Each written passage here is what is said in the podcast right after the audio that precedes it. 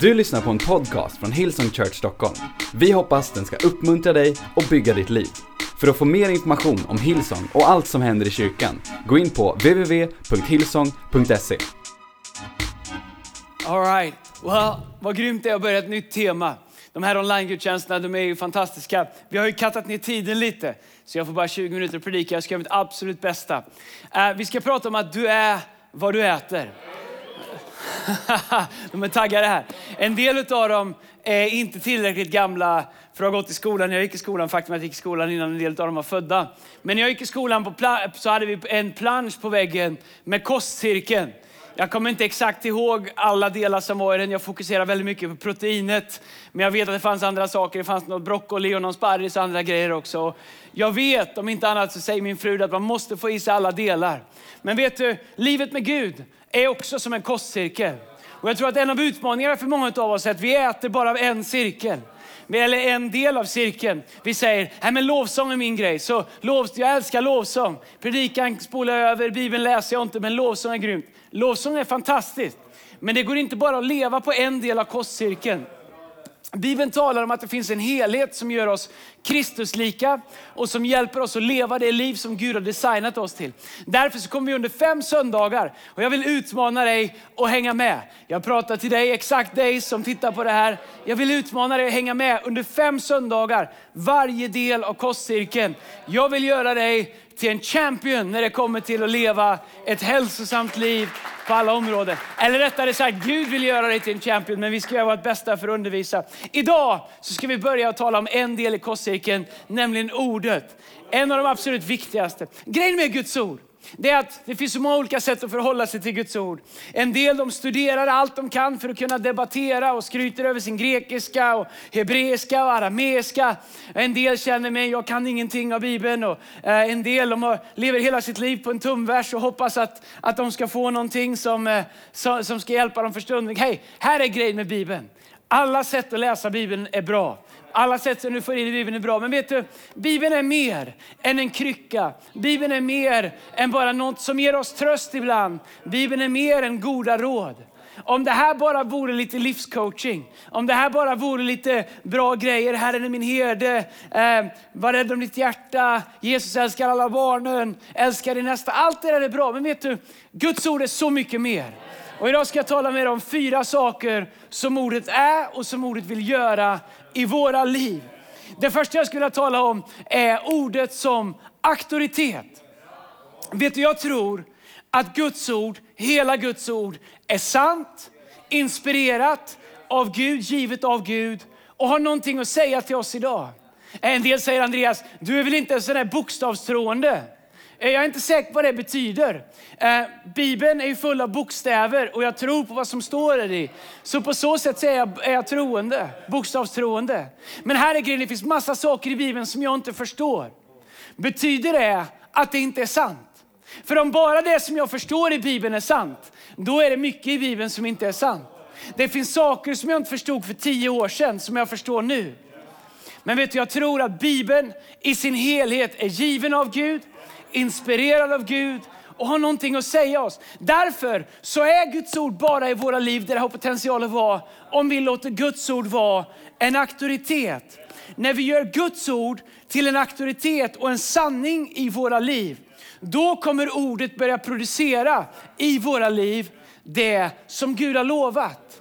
Men bara när det är en auktoritet kan det börja producera i våra liv det Gud har sagt. Här är vad Jesus säger om ordet. Han säger i Matteus 24, vers 35, han säger himmel och jord ska förgå. Alltså gå över, försvinna.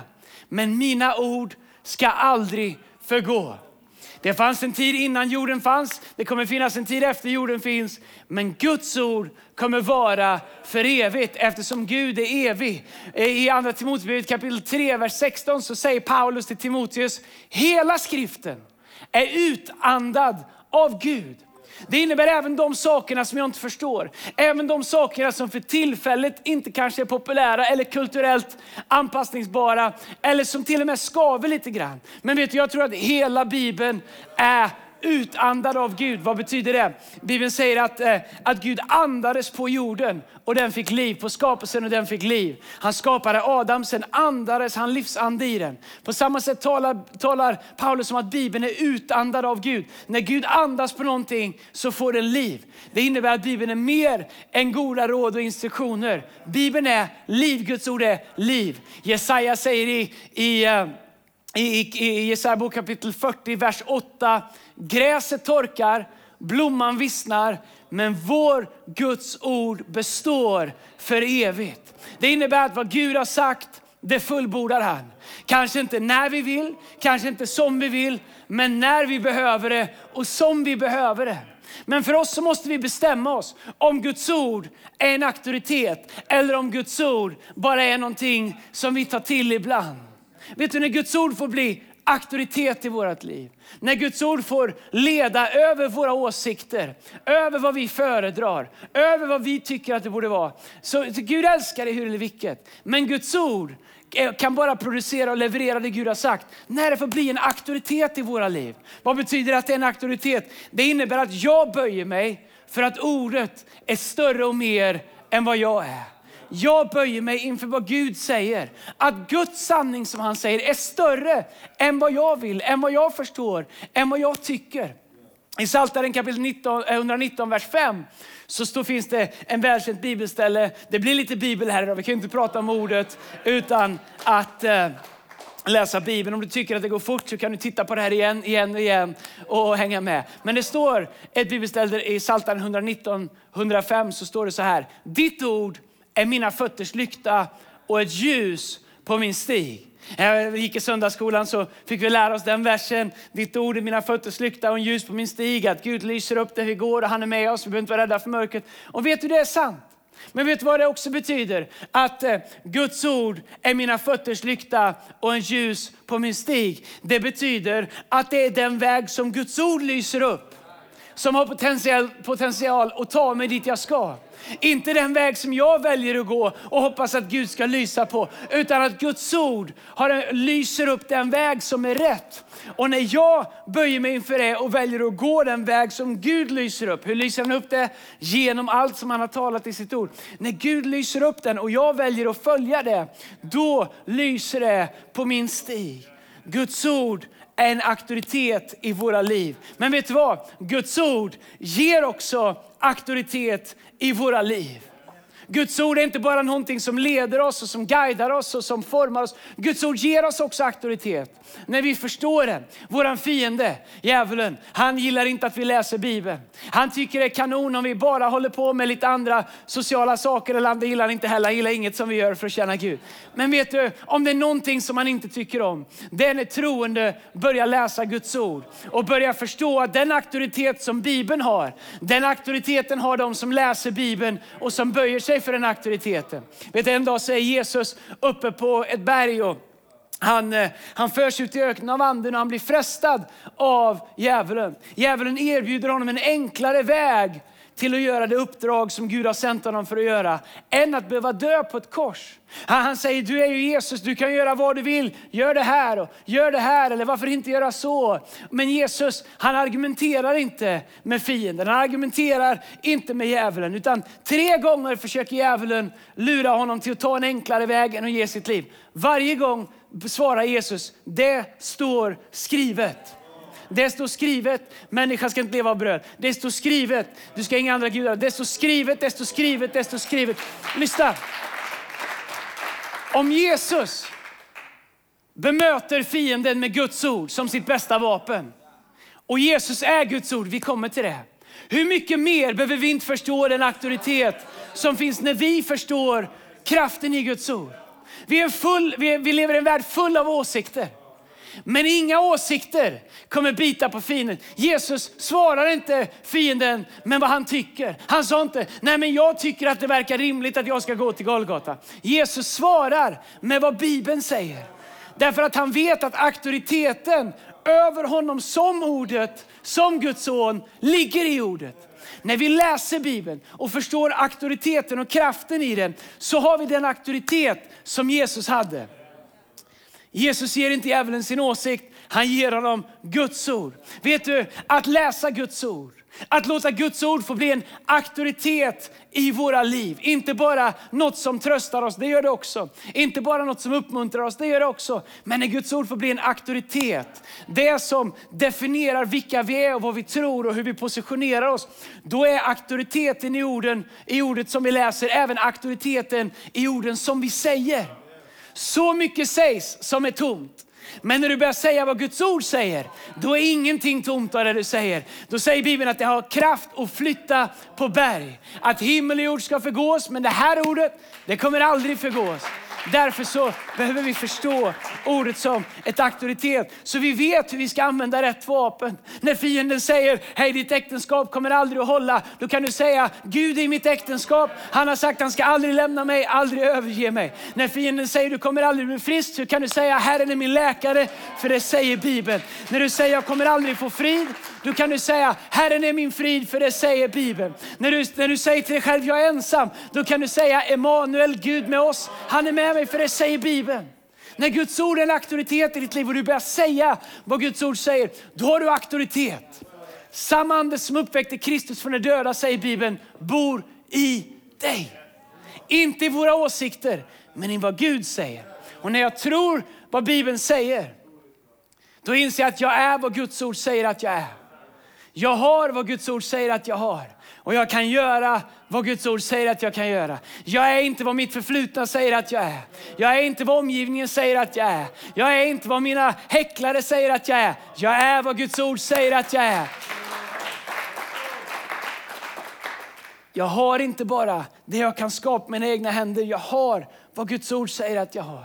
Jag kan inte bara göra det som jag själv tror att jag kan göra. Det är inte min dåliga självförtroende eller dåliga självkänsla eller negativa saker, vad människor har sagt över dig att du är eller aldrig kommer att bli som definierar. Nej, du kan göra vad Guds ord säger att du kan göra om Guds ord är en auktoritet i ditt liv. Jag är lite inspirerad. Jag ber inte om ursäkt för det, men jag ska försöka sansa mig. Vi försöker ändå göra bra tv här. Det första är Guds ord som auktoritet. Det andra är ordet som mat. Ordet som mat. Lukas evangelium kapitel 6, vers 45 säger, en god människa bär fram det som är gott ur sitt hjärtas goda förråd. Vet att ditt hjärta har ett förråd. Och det du fyller ditt hjärtas förråd med kommer producera i ditt liv. Det som du fyller ditt inre med är det som kommer definiera hur, hur, det, hur, det kommer definiera hur du lever ditt liv, hur jag lever mitt liv. Det vi gör och det vi är och hur vi ser saker, hur vi ser världen och vad vi har inom oss definieras av vårt hjärtas förråd. Därför säger Bibeln, en god människa bär fram det som är gott ur sitt hjärtas förråd. Vet du, våra liv är som en lada. Och om vi väljer att fylla det med Guds ord så är vi bärare av Guds ord vilket gör att inom oss så finns en reservoar, så finns en stor lada av Guds ord. När Jesus frestades så kunde han dra ur sitt inre vad Bibeln säger att, att han skulle svara. Vet du, jag älskar att läsa Bibeln. Och här är grejen med Bibeln och kostcirkeln. Hemma hos oss, skulle jag få välja så skulle vi äta kött varje dag. Det gör vi inte, eh, därför att det inte är bra för kroppen, det är inte klimatsmart och massa andra saker. Och min fru gillar fisk. Men vi äter ur alla de här olika delarna. Jag har ätit lax idag, jag åt något, eh, eh jag tror det var sparris. Eh, vi har ätit massa sådana saker idag. Men, men här är grejen. Eh, jag äter, inte alltid för jag är hungrig. Jag äter inte allt för att jag gillar maten. Jag äter inte alltid för att jag tycker det är kul att laga mat. Jag äter inte alltid för att det är praktiskt. Jag äter för att jag inser att min kropp behöver mat. Och min kropp behöver mat, så får jag inte mat på ett tag så påverkar det mitt blodsocker, det påverkar mitt humör, det påverkar atmosfären, det påverkar... Så jag måste äta, okej? Okay? En, en del vet vad jag menar. Så vi äter. Vi tar ansvar för att vi måste få i oss mat för att vår kropp ska fungera. Ibland funderar jag på varför vi tror att vår ande är annorlunda. Att vi kan ta upp Bibeln, och jag säger inte det med fördömelse, och läsa en tumvers någon gång varannan vecka och undra varför vi inte har mer kraft i våra liv. Här är vad den helige Ande gör. Varje gång vi ber, och varje gång vi behöver någonting från Gud, det första den helige Ande gör är att han går in i vårat förråd och letar efter någonting ifrån Bibeln som han kan använda. Vi ser hur han gör det med Jesus, vi ser hur han gör det med lärjungarna, vi ser hur, hur han gör det till, eh, till med Paulus. Jesus när han är, han refererar tillbaks till Guds ord igen och igen och igen.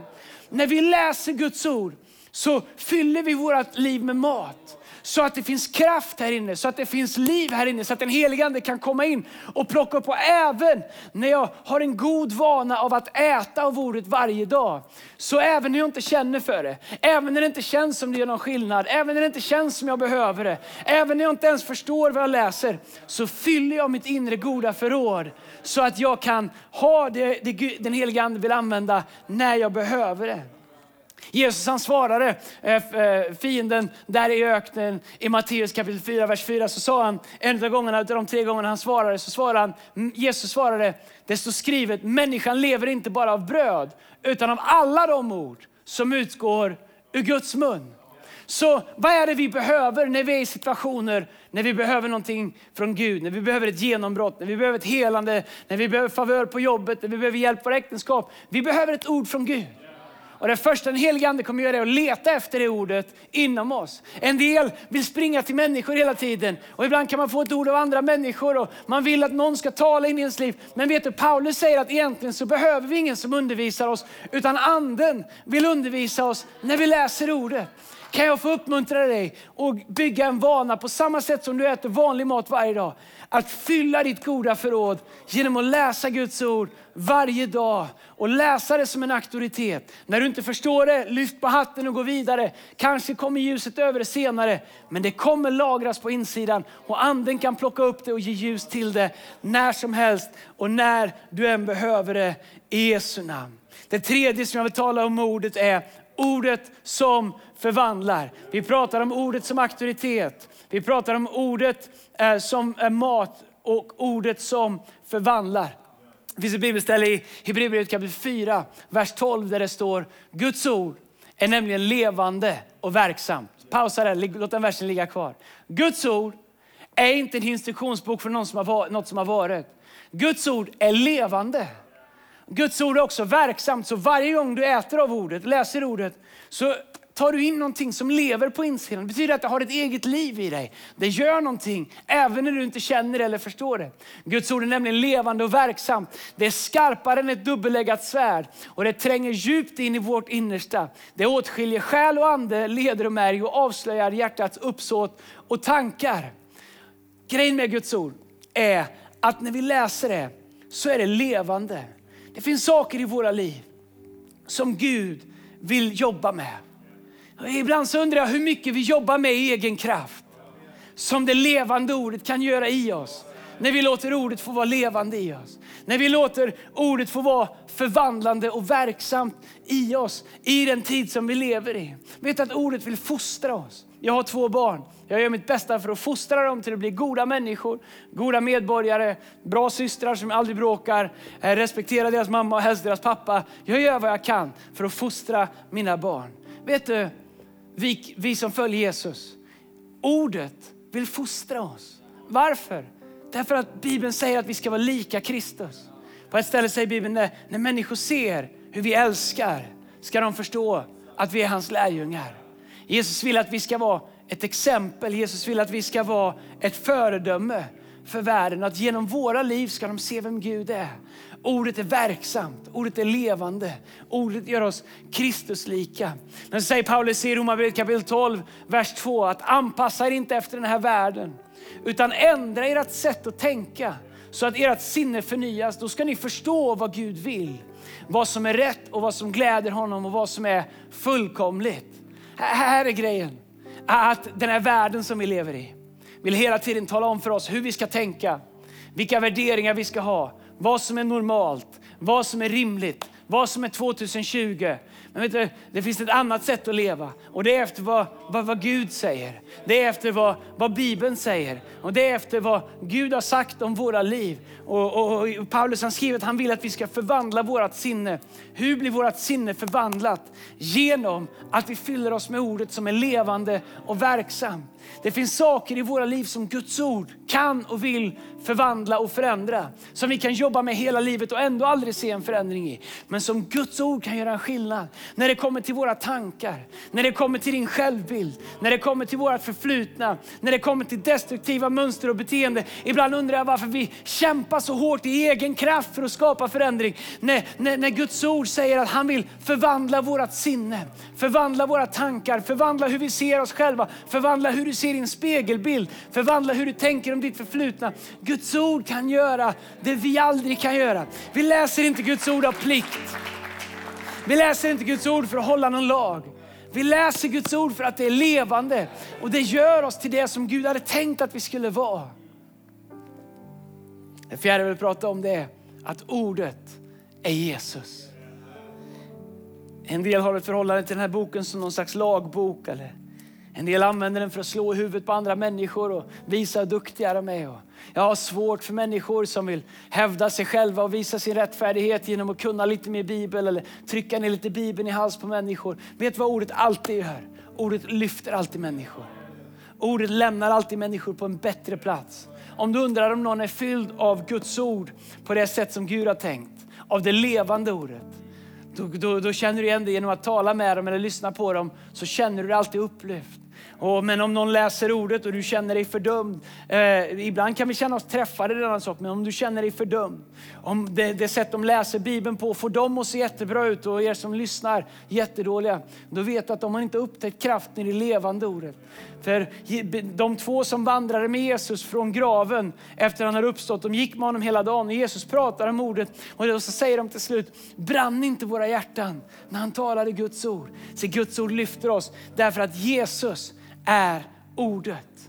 Han är stjärnan och kärnan i allt av vad Bibeln är. Det står i första Johannes kapitel 1 så står det så här. I begynnelsen, det betyder i början. I begynnelsen var ordet med stort O. Och ordet var Gud och ordet var hos Gud. Varför står det med stort O? Vad var det som var i början? Vad var det som var hos Gud? Och vad är det som är Gud? Jo, Jesus. Så vi kan läsa det här i början, alltså innan skapelsen fanns. I början var Jesus och Jesus var hos Gud och Jesus var Gud. Hur vet vi det? Jo, eftersom det står några verser senare i, i vers 14, Johannes 1, så står det så här. Och ordet blev människa och levde bland oss. Vem var det som blev människa? Jesus Kristus. Ordet blev människa och levde bland oss. Vi såg hans härlighet och härligheten som den enda sonen hade fått av sin fader. Han var full av nåd och han var full av sanning. Så ordet är inte något som är långt borta. Gud sitter inte högt upp på en tron någonstans och skickar ner order till mänskligheten som de ska hålla. Så var det innan. När lagen var här, lagen existerade för att visa oss att vi inte klarar oss. Lagen finns till för att visa oss på våran brist utan Gud. Men nåden kom för att visa oss en väg till Fadern. Vi läser inte Bibeln som en religiös handling. Jesus är ordet och vi läser Bibeln för att lära känna Jesus. För att bli mer lika Jesus och veta allt vad Jesus har för oss. Vad vi tycker eller vad vi föredrar, det är egentligen ganska oviktigt. Men vad ordet, vad Jesus säger, förvandlar och förändrar allting som vi gör. Vet du, eh, en del människor de tror att, äh, att, äh, att äh, man kan klippa och klistra lite, men de har inte förstått. En del tror att gamla testamentet är inte viktigt längre. För jag vill säga en sak bara, om vi skulle ha lite kort bibelstudie här. Min tid är slut, men jag, jag tar mig lite tid. Här är grejen. En del tycker gamla testamentet, hur funkar ens det? Så här är det. Ska du läsa gamla testamentet så måste du först förstå nya testamentet. För utan nya testamentet så är gamla testamentet bara lag och, och, och, och liksom hårda saker. Därför att det är till för oss att visa oss att vi inte klarar oss utan Gud. Men i nya testamentet så kommer Jesus. Nåd kommer, sanning kommer, upprättelse kommer, eh, eh, ny start i livet kommer, förlåtelse kommer, frihet kommer. Och när vi läser Bibeln genom perspektivet av det nya testamentet så förstår vi hela Bibeln. Men vet du vad? När vi läser Bibeln så förstår vi också att Jesus finns genom hela Bibeln. Jesus är ordet och du kan läsa hela Bibeln. Och när du läser Bibeln så kan du leta efter Jesus överallt. Han finns genom varje bok, han finns i varje del. I begynnelsen var ordet, ordet ordet var hos Gud, ordet var Gud. Du förstår, det här är inte en instruktionsbok, det här är inte lite goda tips. Det här är Jesus. Och när du läser Bibeln, när du umgås med den, vilken bok du än läser i, så läser du med Jesus. Låt mig säga, berätta för dig hur Jesus Jesus säger i Bibeln, du hittar honom överallt. I första Mosebok så är han kvinnans avkomma. I andra Mosebok så är han påskalammet som blir slaktat. I tredje Mosebok så hittar du honom som våran överste präst. I fjärde Mosebok så är han en målpelare om dagen och eldpelare med Israel om natten. I femte Mosebok så är han våran profet i enlighet med Moses som ger oss allt. I Josua så är han våran frälsningskapten. I domarboken så är han våran domare och laggivare. I Rut så läser vi om Jesus som vår återlösare. I första andra Samuelsboken så läser vi om Jesus att han är vår trovärdige profet. I kungaböckerna och krönikeböckerna så läser vi om Jesus som vår regerande konung. I Esra så är han återupprättaren av livets alla fallna murar. I Ester så är han vår Mordecai. I Jobb är han vår eviga återlösare. I Saltan så är han vår herde. I Ordspråksboken och Predikaren så är han vår vishet. I Höga Visan så är han kärleken och brudgummen. I Jesaja så är han fridens första, allsmäktig Gud. I Jeremia så är han det rättfärdiga skottet som sköt upp i Davids släkt. I Klagovisorna så är han våran gråtande och sörjande profet. I Hesekiel så är han människosonen. I Daniel så är han människosonen. I Hosea så är han den trofasta maken för evigt gift med alla avfällingar, alla de som har gått snett. I Joel så är han den som döper oss med helig ande och eld. I Amos så är han bäraren av våra bördor. I Obadja är han mäktig att frälsa. I Jona är han förlåtande guden. I Mika är han budbäraren med underbara fötter. I Nahum är han Guds utvalda hämnare. I Habakuk är han Guds evangelist och budbärare. I Sefania är han våran räddare och våran frälsare. I Haggai så är han återbördaren av Guds förlorade arv. I Sakarja är han källan i Davids hus Förening av synd. I Malaki är en rättfärdighetens sol som stiger med helande under sina vingar. I Matteus är han Messias, judarnas konung och Emanuel. I Markus är han undergöraren, mästaren, välsignade son och Marias son. I Lukas är han människosonen Kristus, Guds utvalda, soluppgången och morgonens första ljus. I Johannes är han Guds son. Han är jag är, han är Guds lamm och livets bröd. I Apostlagärningarna är han helig ande och hedningarnas ljus.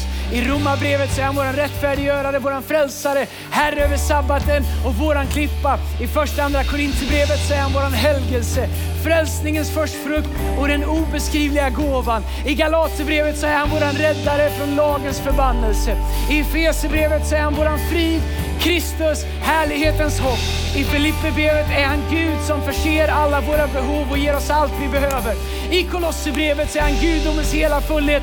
I första andra Thessalonikerbrevet så är han våran kommande konung som ska komma tillbaka. I första andra Timoteusbrevet så är han våran medlare mellan Gud och människor. I Titus är han vår trofasta pastor. I Filemon är han vännen som är närmre än en broder. I Hebreerbrevet så är han eviga förbundets och frälsningens kapten. I Jakobs brev är han vår stora läkare. I första andra Petrusbrevet är han den högsta fåraherden som snart ska komma med härlighetens krona. I första, andra och tredje Johannes brev är han kärleken. I Uppenbarelseboken så är han kungars kung och herrars herre. Jesus finns rakt i hela ordet. Och när vi läser det här och förstår att det här är Jesus och att allting finns för att ge oss liv och ge oss mening och syfte, så inser du att det här är livets bröd. Det här är Jesus. Min bön är att du skulle upptäcka livet med Jesus. Att du skulle upptäcka att det här inte bara är någonting som är svårt att förstå. När Jesus säger tag och ät av mig så pratar han om sin kropp. Men vet, han talar också om sitt ord, han talar om allt som han är. Men jag önskar att den helige Ande skulle ge dig en aptit för ordet. En aptit. Vet du, så mycket av det vi funderar på, så mycket av det vi brottas med. Ibland tänker jag när vi ber till Gud, hjälp mig, ge mig svar. Ge mig frid, ge mig frihet. Och Gud säger, åh, om du bara vill öppna mitt ord. Om du bara vill läsa läkedomen, friheten. Inte goda råd och tips och regler, utan liv och liv i överflöd. Jesus är ordet, vår högsta auktoritet. Om du tror som det står så kommer du få som det står och leva det liv som Gud har för dig. Men min vän, jag undrar om du känner Jesus. Jag undrar om du känner honom. Inte bara som någon som vill berätta vad som är fel på dig. Inte bara någon som säger att du behöver vara präktigare. Jag undrar om du känner den Jesus som jag känner.